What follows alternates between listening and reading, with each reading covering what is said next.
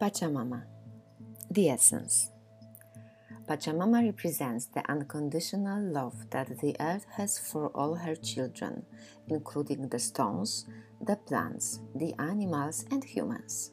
She is the goddess of earth, also known as Gaia, who pervades all creation in our planet.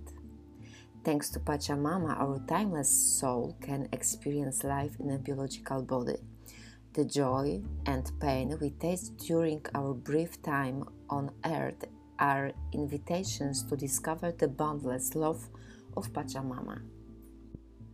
The invitation You are a child of the earth.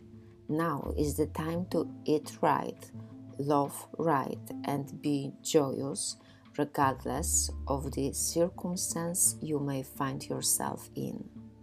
Be grateful for your life, your body, and all that nourishes you. Pachamama invites you to release each breath, embrace your joy and your pain equally, and discover love through both. Let Pachamama know how much you appreciate all her blessing with an act of service, such as planting a tree, helping save and, and endangered species or protecting the oceans. The medicine. You still believe that you have been cast out of the Garden of Eden, that you are motherless and homeless?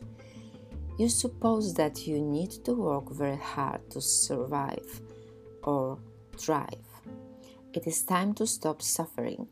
Let go of that old myth and realize you were given the garden to rejoice in and to become its steward. Your melancholy is really a longing to return to the head of Pachamama.